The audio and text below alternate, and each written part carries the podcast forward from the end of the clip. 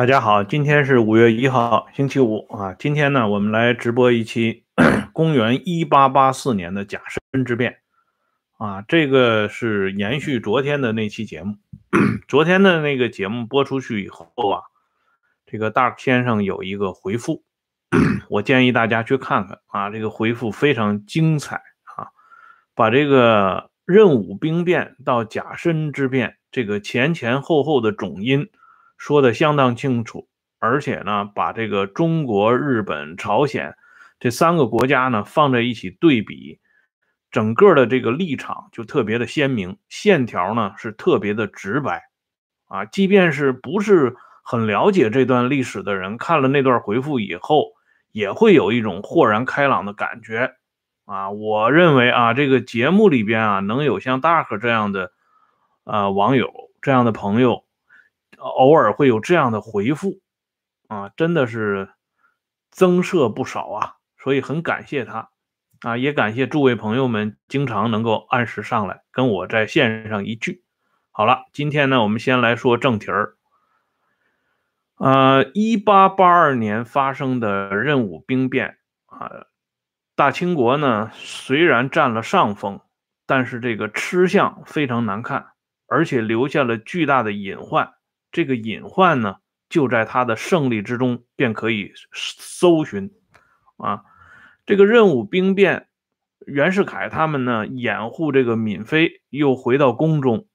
而李鸿章虽然在千里之外，他却一直非常关注朝鲜的局势。他始终认为这场乱子的肇始者就是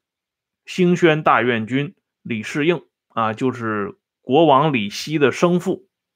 因此呢，他密令前线的这些人一定要想方设法的把这个大院军李世应抓起来。这件事情呢，袁世凯啊、吴长庆啊、马建忠啊这些人倒是啊落实只是不过夜，他们采取这种诓骗的做法，把这个李世应呢一举抓捕。抓捕之后呢，连夜用这个军舰啊送回天津，后来转押到保定。要知道，这李世应啊，是人家朝朝鲜国王的亲爹啊。尽管他和亲儿子啊和亲儿媳妇他们之间在权力分配问题上始终呢是搞不到一块儿去，但毕竟人家是肉烂在锅里啊，打断了骨头连着筋。说穿了，那是人家朝鲜人自己的事情啊。你这个号称宗主国的啊国家呢？插了这么一手，而且这一手做的实在是太过分了啊！结果呢，自然而然的就引起朝鲜朝野上下的人神共愤。这个事情啊，如果联系到啊六年前日本和朝鲜签订的江华条约，那就更加让这个朝鲜人感觉到怒不可遏，因为一八七六年。日本和朝鲜他们签订了这么个条约《江华条约》，江华岛啊，这个条约的 核心一点就是日本强调朝鲜为自由啊自由之邦，就说你是一个啊就是独立自由的国家，是一个独立的主体，而不是依附于哪一个国家的附庸。这个日本的这个江华条约呢，实际上剑锋直接指向的就是大清国啊，并不是说日本真的要把朝鲜作为一个独立自由的国家予以确认，而是针对啊大清国对朝鲜拥有宗主裁判权这一点来说的。但不管怎么讲，人家表面上毕竟承认了朝鲜。这个独立的地位啊，这在朝鲜自从被大清朝给征服以来，这是头一回啊。所以朝鲜当时呢，有一部分像这个朴永孝啊、金玉君呢、洪英直这些所谓的开化派，他们就看到希望了，说你看，我们不见得非要依赖这个大清国啊，这个日本国现在进来了，感觉也还不错。可是呢？大清朝并没有认识到日本跟朝鲜签订的江华条约这里边暗藏机锋，没意识到，所以后来呢，他把李世应抓起来，认为这是正常的啊，谁调皮捣蛋我就抓谁。这么做呢，完全是下雨天打孩子啊，都是为了孩子好。而且呢，李鸿章这么做啊，还有一一点是迎合那拉氏的。因为当时那拉氏呢正在筹办一件大事情啊，这一会儿我就会讲到李鸿章的这一做法呢，正好烧到这个那拉氏的痒处。因为李世应是李希的生父，那么在大清国呢，也有这么一位类似于大院君的人物，就是和硕醇亲王奕轩啊。奕轩当时有个儿子。啊，就是小小的载田，后来的光绪皇帝。这个时候，啊，这个光绪皇帝执政已经好几年了。啊，醇亲王奕轩呢，也是蠢蠢欲动。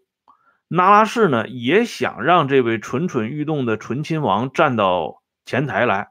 借此呢，完成他一个多年的夙愿。不过呢，既要利用他，也要控制他。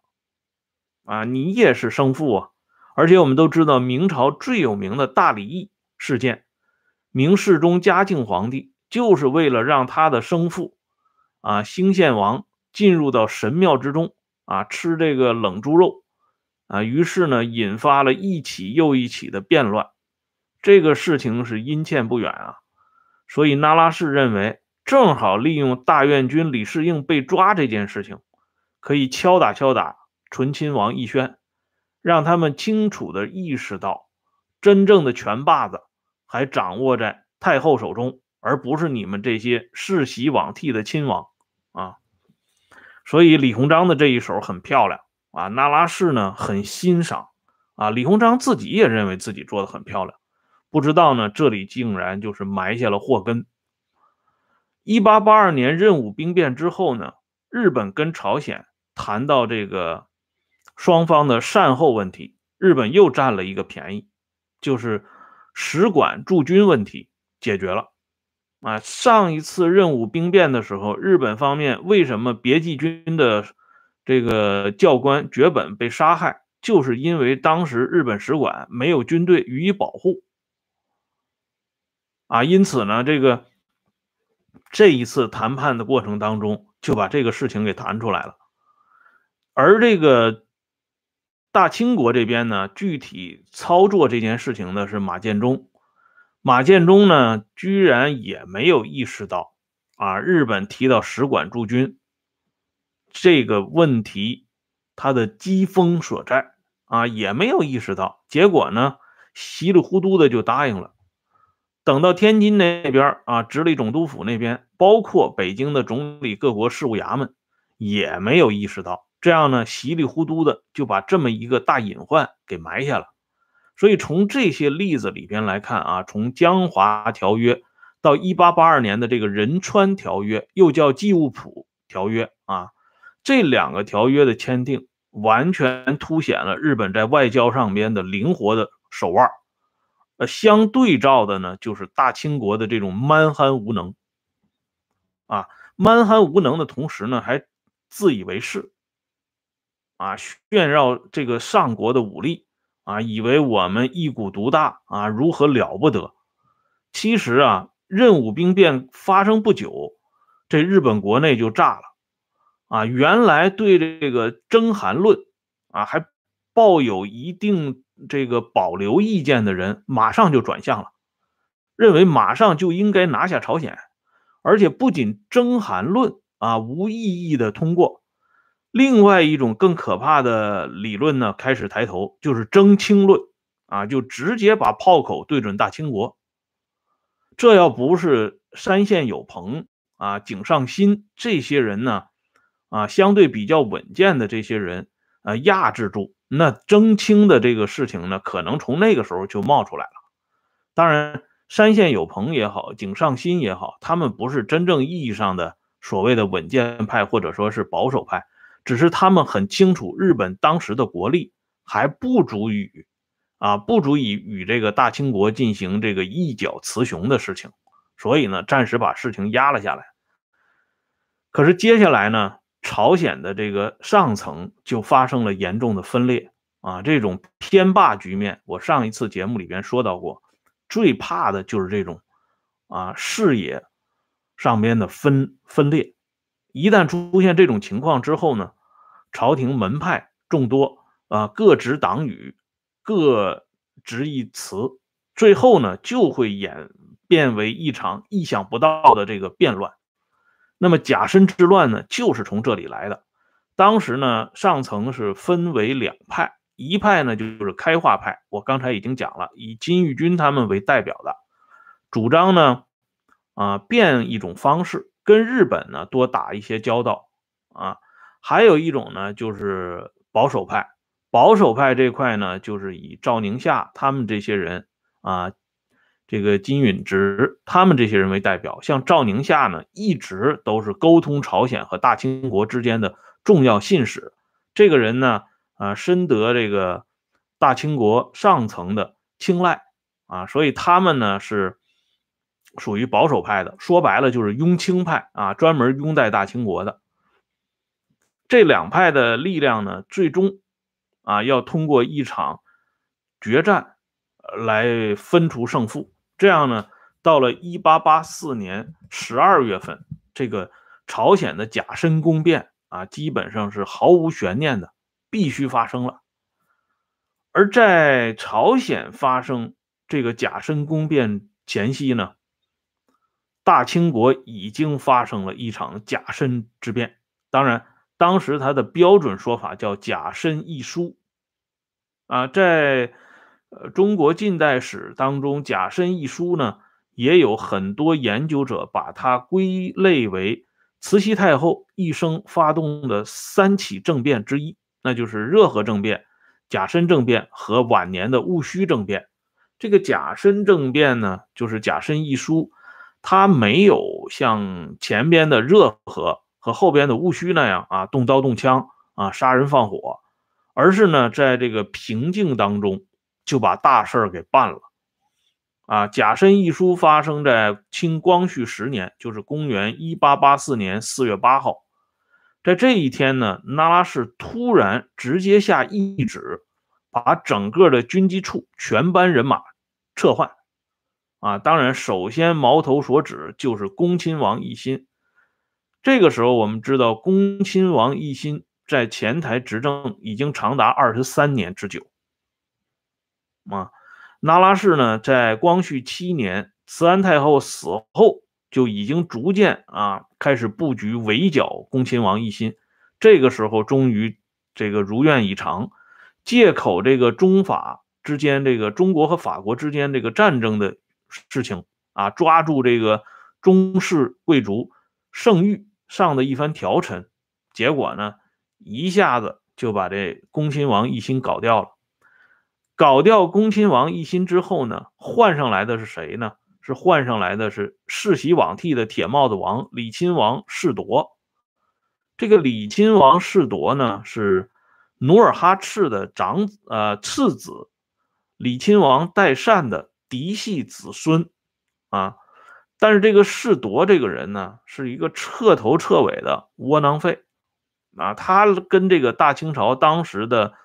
啊执政的爱新觉罗，呃，就是清宣宗道光皇帝这一支儿，早就出了五福了啊，是属于远支儿这个亲贵，所以呢，他对那拉氏的威胁几乎是不存在的。再一点呢，这个世铎这个人是清朝末年，就是非常罕见的两位啊，这个朝廷亲贵和重臣向太监啊行礼的两个人之一。一个呢是这位李亲王世铎，再一个就是袁世凯。当时呢，太监啊，别说见了亲王，就是见了大臣，他也要啊打个躬，做个揖。或者是单腿下跪，啊，因为太监的地位很卑下嘛。可是到了李亲王世铎这里，李莲英啊，给王爷请安，结果王爷居然也单挑一条腿儿啊，给这个总管太监李莲英请安啊，这在当时官场传为笑谈。可是笑谈归笑谈呢，啊，李亲王世铎的这个做法就让老太太看中了，因为他不想选人才，他选的就是奴才，啊，越恭顺越好啊，无所谓，影响不重要，重要的是老太太怎么看。所以这个世铎呢，成为领班军机大臣。那么是给世铎配的这个班子里边，什么俄勒河部啊，张之万呢，就是张之洞的堂兄，这些人也都是一帮庸才啊，没什么棱角。而最关键的是，整个军机处 遇见大事的时候，要跟和硕醇亲王奕轩会商，这就等于说把奕轩的地位呢抬出来了。用七爷的力量压住六爷啊，这是那拉氏这个玩的一个重要的手腕。正是因为甲申一书，才有后边这个朝鲜甲申宫变过程当中啊，清朝整体的误判啊，这个事情呢是有来由的。大清国这边呢变化之后，跟着就朝鲜了。朝鲜在一八八四年十二月发生著名的甲申宫变，就是说开化派首领金玉军他们准备用枪杆子来对付这个保守派，双方呢就发生了直接的冲突。而这个时候，袁世凯啊已经由前敌营务处升格为总理营务处啊，他在这个驻朝清军当中的地位已经相当突出了啊。当这个事情传到袁世凯他们耳朵里之后呢？袁世凯马上率领一千多人打进朝鲜的王宫，啊，一举这个干掉这个朝鲜的开化派啊！除了金玉军等极个别人逃往日本以外，剩下的这些开化派人物呢，要么被抓，要么被杀啊！整个过程当中，袁世凯处理的是非常漂亮。而日本这个时候呢，他的公使竹天。他们已经有驻军了，所以日本呢，日本方面也有动作，但是日本方面呢是比较被动的，因为日本没想到袁世凯用这么多的军队啊，直接扑进人家朝鲜的王宫，而且更为呃这个夸张的是，袁世凯居然给李鸿章上一个条陈，袁世凯认为这个时候我们直接就一步到位吧，由我们。来充任监国摄政王，把这国王李希干脆就给弄靠边站了，由我们大清国直接对朝鲜进行前纲独断。这种做法以及他直接率领一千多清军啊霸占朝鲜王宫的做法，其实更加验证了开化派之前宣布的，就是说最想吞并朝鲜的不是。跟咱们签了两个条约的日本，而就是这个号称保护我们的大清国啊，所以呢，开化派名义上是败了，其实人家是得分了，而这个大清国和这个朝鲜的保守派呢，名义上是胜了，实际上是在丢分啊，他是相当于咱们老百姓所说的拱火啊，把这个火苗子越点越高，越点越旺，那么朝鲜。和日本，他这两股力量都在凝聚，啊，就是反反对大清国的力量都在凝聚。但这个时候呢，日本表现的相对比较冷静，啊，日本的伊藤博文到天津去见李鸿章。伊藤博文呢是李鸿章的后辈，他比李鸿章整整小了十八岁，那完全是两代人了。但是伊藤博文这个人非常厉害。啊，特别是在外交折冲之际啊，他所做的种种努力，那两下一对比，李鸿章成他的后辈了。在天津商量的这个关于解决啊甲申宫变呃留下的这些遗留问题上边，日本又占了先机。就是说，日本通过暗度陈仓的办法，确立了一个问题，就是如果将来朝鲜。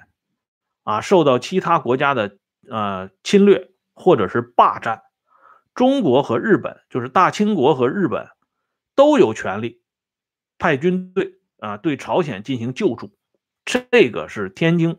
讨论合约最厉害的一条，也是对日本最为有利的一条。所以呢，这个合约表面上啊，李鸿章认为啊，我这回啊把日本的野心又给摁住摁住了啊，把朝鲜内部的变乱又给平定了，有点趾高气扬的概念。殊不知呢，又一次掉进了日本人设计的圈套里边了。啊，日本人呢对这个完成朝鲜的吞并又往前迈了关键性的一步。只是那时候朝野上下完全没意识到，而李鸿章那个时候呢，更是做着这个铁甲舰的迷梦，因为他的铁甲舰第二年一八八五年就到位了，镇远、定远，还有这个呃巡洋舰啊的一大批这个舰舰只从国外就是订购回来了，所以他那个时候是踌躇满志，认为我的这个北洋海军呢，逐渐已经是成型了。这样呢，不仅是说在东北亚地区，在整个亚洲地区，应该说，三五年之内啊，我不打别人，但是别人也绝对不敢打我。所以他对日本方面提的这些，在他看来细枝末节的东西，他是完全不在意的。可是日本方面呢，已经调整调整了战略。山县有朋在伊藤博文回去之后呢，就向天皇建议，原来啊，咱们这个。做筹备啊，吞并朝鲜，包括在吞并朝鲜过程当中可能与清国发生冲突的准备时间，要从十年缩减为八年。然后呢，这个军队扩充的速度要比以前翻一倍，人家已经积极的做出了这个打的准备。可是大清国这边呢，却是懵懵懂懂啊，如坠雾中。而这个袁世凯呢，更是通过这两场这个镇压这个变乱的办法啊，让自己呢，哎，飘飘然不知所以了。所以当时日本啊方面呢，对，比如说井上新啊，日本的外务卿，他对大清国老一辈、中生代和青年的一代，他有过一个。统一的看法，他就说呢，他说老一辈庸碌、庸碌、庸暗啊，这个中生代呢，行险冒进啊，年轻的一代呢是懵懂无知，所以咱们将来一旦跟大清国发生冲突，不说胜券在握啊，至少胜算很大。所以，日本朝野这个时候上上下下已经把这个大清国看透了，而大清国自己呢，对这个日本完全没概念啊。这里我举一个非常简单的例子给大家，就是开化派的这个首领金玉君，后来跑到日本啊，一直这个逗留在日本。后来因为跟日本的外务卿井上新他们有分歧，金玉君呢。啊，又受到了李鸿章父子的诱惑，他就从日本啊离开，到了上海。后来在上海，一八九四年的时候，在上海遇刺身亡。上一期节目讲过。这里为什么提到这个金玉君呢？因为当时呢，啊，金玉君到上海这个事情呢，李鸿章的儿子李经方专门啊给这个他老爹李鸿章去了一封信。李家父子在通信当中流露出一点，就是李鸿章在回信的时候说了这么一句话，他说：“日本并无吞韩之心。”啊，就说日本没有想吞并朝鲜半岛，他没有这个心思。这封信呢是写于公元一八九二年，也就是说呢，下距甲午战争一八九四年不到两个整年的时间了。也就是换句话讲，这李鸿章在这个时候对人家日本人的野心，居然一点儿察觉都没有，因为这是父子之间的通信，他没有必要遮着掩着，反而会说很多实话和真话的，啊，这就是反映出一个重要的呃论论据。而这个金玉君这个人啊，这里要多说两句，不仅仅是昨天这个 Dark 先生在回复里边专门提到这个人，而且呢，这个人他背后隐藏的故事，颇能说明中朝两个国家在一百多年以来，包括至今这种微妙的关系。金玉君呢，在中国的历史的史书当中是被描绘成为亲日派，因为他确实是想仰仗日本的这个。啊，力量。但是金玉君这个人，历史上呢，他其实，呃，他的观点经常是飘忽不定的啊。核心呢，就是想振兴朝鲜。后来他又跟中国方面呢，啊，就是大清国这边又搭上钩了。所以后来朝鲜史料一直认为金玉君在上海遇刺是跟李鸿章他们有直接的关系。啊，中国方面呢，后来在二零零九年《近代史研究》杂志第四期。专门发表了一篇关于金玉君遇刺的论文，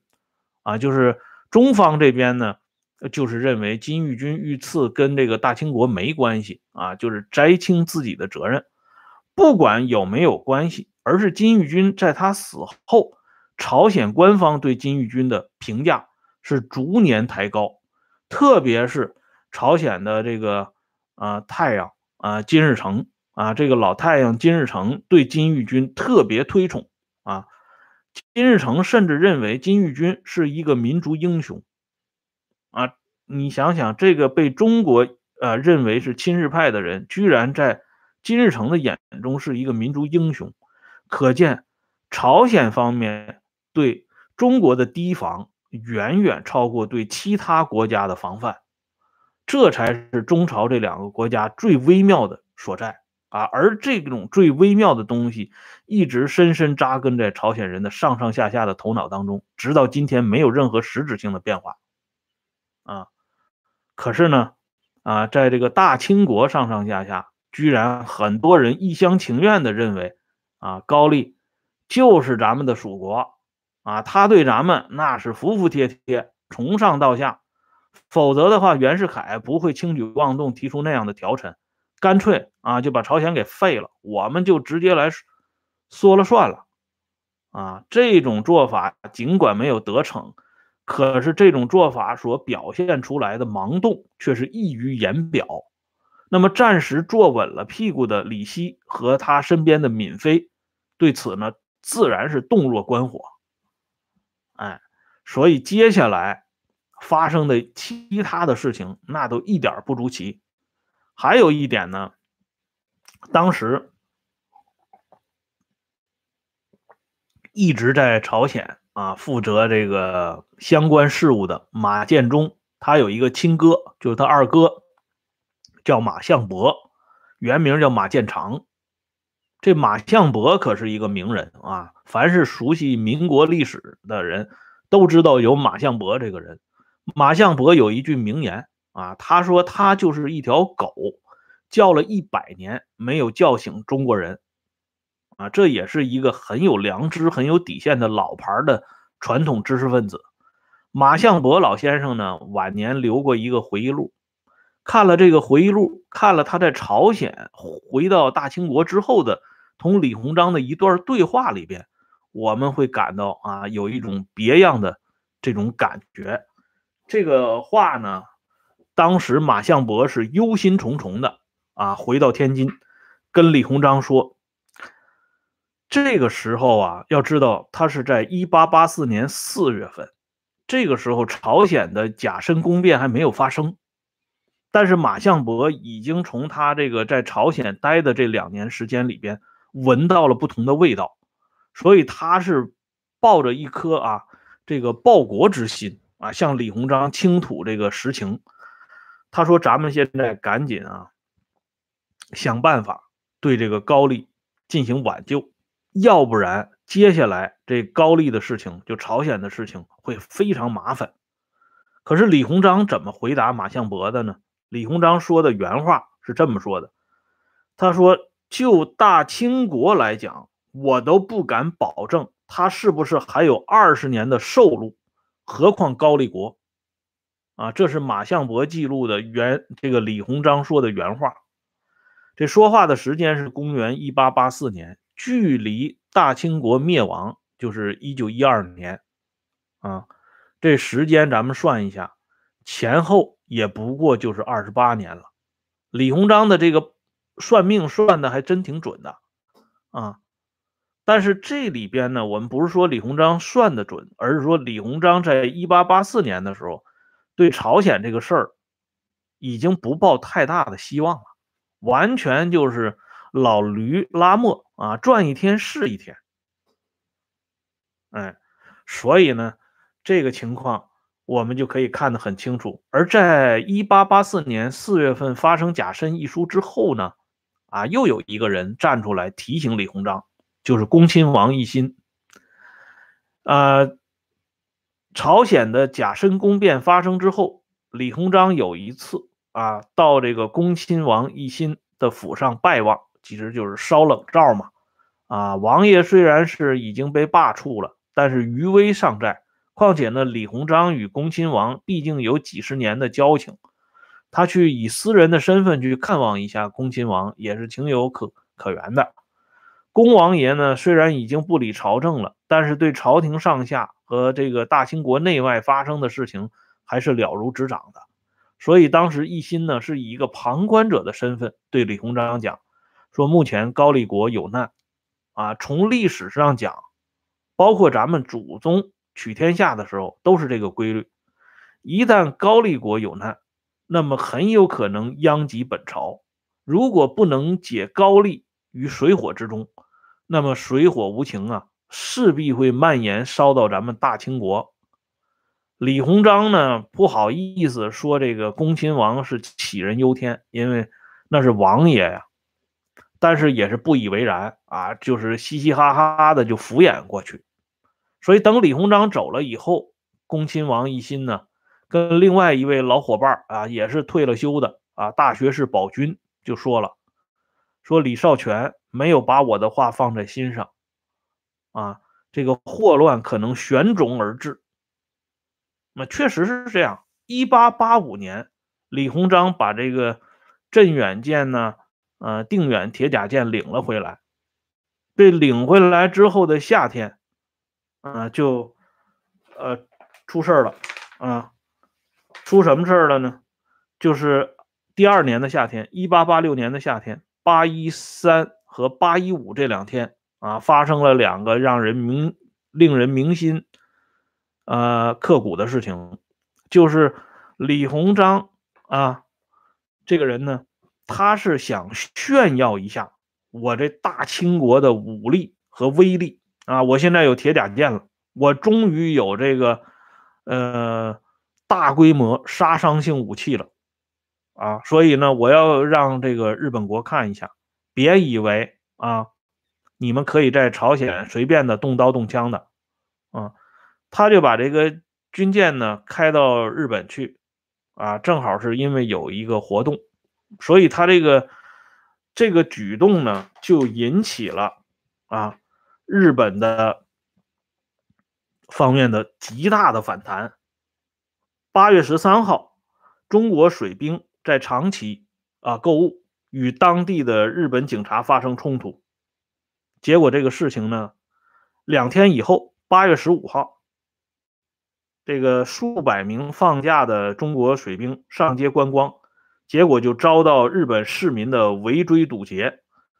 呃，水兵呢被打死五名，重伤几十几十名，而这个时候呢，呃，中国派去的北洋舰队的总教官。英国人郎威里就认为这是对北洋水师的挑衅，必须要宣战。而丁汝昌他们呢，就想息事宁人。最终呢，汇报到李鸿章那里，李鸿章就是啊，浮皮潦草的就给处理了。这个事情呢，就给压下来了。而日本国内对北洋海军乃至对大清国敌对的情绪更加高涨。当时是有一句口号，日本海军呢是一定要打沉定远和镇远，成为日军啊奋斗的这个目标。连日本的小孩子呢都玩起了这个捕捉定远和镇远的战斗游戏，可以说是举国上下同仇敌忾。这是李鸿章他派这个舰队去炫耀武力，完全没想到的啊，他的初衷不是这样的。等接下来一八九一年，李鸿章呢，呃，当时在对北洋海军进行第一次校阅啊，这个规模非常之大。而教阅结束之后呢，日本政府就邀请北洋海军啊进行访问。啊，李鸿章又高兴了，说这回是一个非常好的机会啊，要让日本再一次的啊瞻仰一下我们大清这个海军的呃威名。这样呢，这次出访比上一次呢更糟糕，因为这一次出访让日本人看到了这个舰上的大炮呢没有擦干净，而且上面呢张灯结彩的挂满了洗好的衣服。日本海军军官啊，就是中下级军官都看明白了，这么一支毫无战斗力的海军，尽管是庞然大物，那也一定是不堪一击。所以后来的这个甲午海战，这个结果从一八九一年就已经可以剧透了啊。这里呢，咱们顺便说一下李鸿章和袁世凯这两个人啊。这两个人的行事风格非常接近，啊，包括这两个人的起家的轨迹呢，都是很贴近的。他们一生啊，最大的成功的特点就是行险犯难，啊，一生用诈，啊，这个李鸿章和袁世凯两个人这个玩弄的手段都非常一致，就是花钱，只要花钱就没有办不到的事情。但是李鸿章在晚年，他和他和曾国藩的后人啊，就是曾纪泽的这个啊后人，就是女婿姑爷这一代的啊，有个县令叫吴勇，大家看过那个电视剧啊，《慈禧西行》啊，这跟吴勇之间呢有一个谈话，后来被吴勇写到他的那个回忆录《庚子西寿重谈》里边，李鸿章就。总结了自己的一生，他说他一生没有真实学问，可以说是不学无术，根基太浅，所以最终呢就是一个裱糊匠啊，东边漏了补东边，西边漏了补西边，一生的事业化为灰烬啊，这是他晚年一个非常沉痛的反思。那么袁世凯称帝失败以后呢，他临终前也有类似的反思。他就认为自己读书太少，所以最后功败垂成。这两个在中国近代史响当当的人物啊，在他们即将离开这个世界的时候，能说出这样的话，其实真的挺不容易的啊。因为他他们两个人在很多人的心目当中，直直到今天啊，在很多人的心目当中，他们是成功人士啊，是大人物。可是呢？自己能把自己身上最大的缺点、最大的毛病端了出来，不学无术啊，行险使诈，这个东西就是鲁迅所说的“捣鬼有术”，是长久不了的。所以最终呢，啊，不仅是他们个人的事业，包括当时国家的命运，也都毁于一旦。所以我们后边骂李鸿章、袁世凯。的同时呢，也应该关注到这两个人死前所谓“人之将死，其言也善”呢，居然还能说出两句人话来，这已经是绝版了。因为他们毕竟比那些把这些啊把这种行险使诈、捣鬼有术的东西奉为葵花宝典，一代又一代的传枪下去的那些人强的很多呀。所以难怪有些人在今天。在网上，在网下著书列立说啊，为这个李鸿章和这个袁世凯叫鸣冤叫屈，也不是完全没有来由的。因为这种啊稍有一点底线的这个官僚子弟，已经足以啊甩出那些啊把那些毫无底线、毫无良知、压根儿就不想说人话、做人事的人甩几十条街都不止了。而且真的是绝版了，哎，所以呢，咱们重新啊看待一下当年的这个甲申之变，重温一下历史啊，看到这个当初嗯，这个大清国和日本之间的较量，其实在甲午战争十年前就已经有胜负之分了。一个没有血性的这个国家啊，或者是群体，他是不可能有战胜的机会的，因为他有的呢只是邪性，而不是血性。就李鸿章自己来讲，李鸿章啊，当年在苏州杀俘的时候，那是意气风发呀，杀了几万太平军的俘虏。说穿了，那些人也都是中国人啊。他已经缴械投降了，所以当时英国人戈登啊，当时就翻脸了，就认为你们这些人做的事儿，那简直就是不是人干的。可是远在啊千里之外的曾国藩呢，却写信鼓励李鸿章，杀得好啊！你这么一杀，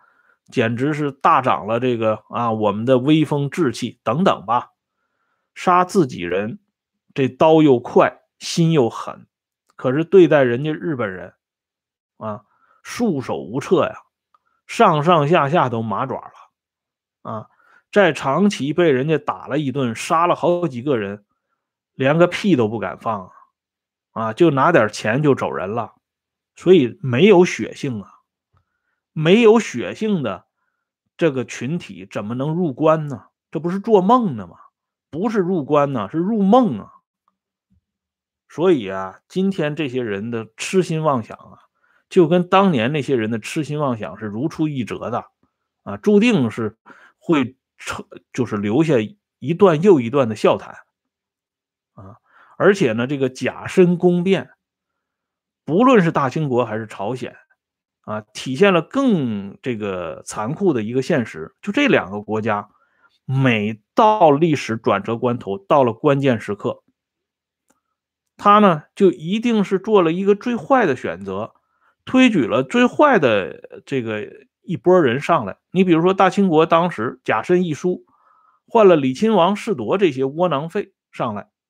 啊，那拉氏只能是越来越昏聩，啊，而朝鲜方面呢，也是，啊，金玉军这些人稍有头脑的都轰跑了，赵宁夏呢，这些息事宁人呢，也给杀掉了。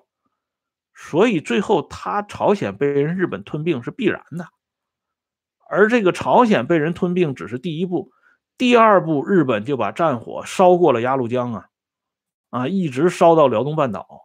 最后打的大清国满地找牙，赔偿两亿两白银了事，而且这个战火没有因为赔偿而结束，一直烧到公元一九四四年啊，另外一个甲申年。啊，中国差一点亡在日本手中，哎，就是这么回事啊。所以呢，咱们重温历史啊，想到的绝对不仅仅是反思和教训，更多的恐怕是一种特别异样的感觉。好了，今天呢，关于这个甲申事件这个事情呢，终于告一段落了啊！谢谢朋友们上来收看和收听。回头呢，咱们重新回到军统往事这个系列里，啊，好了，我们明天接着聊，再见。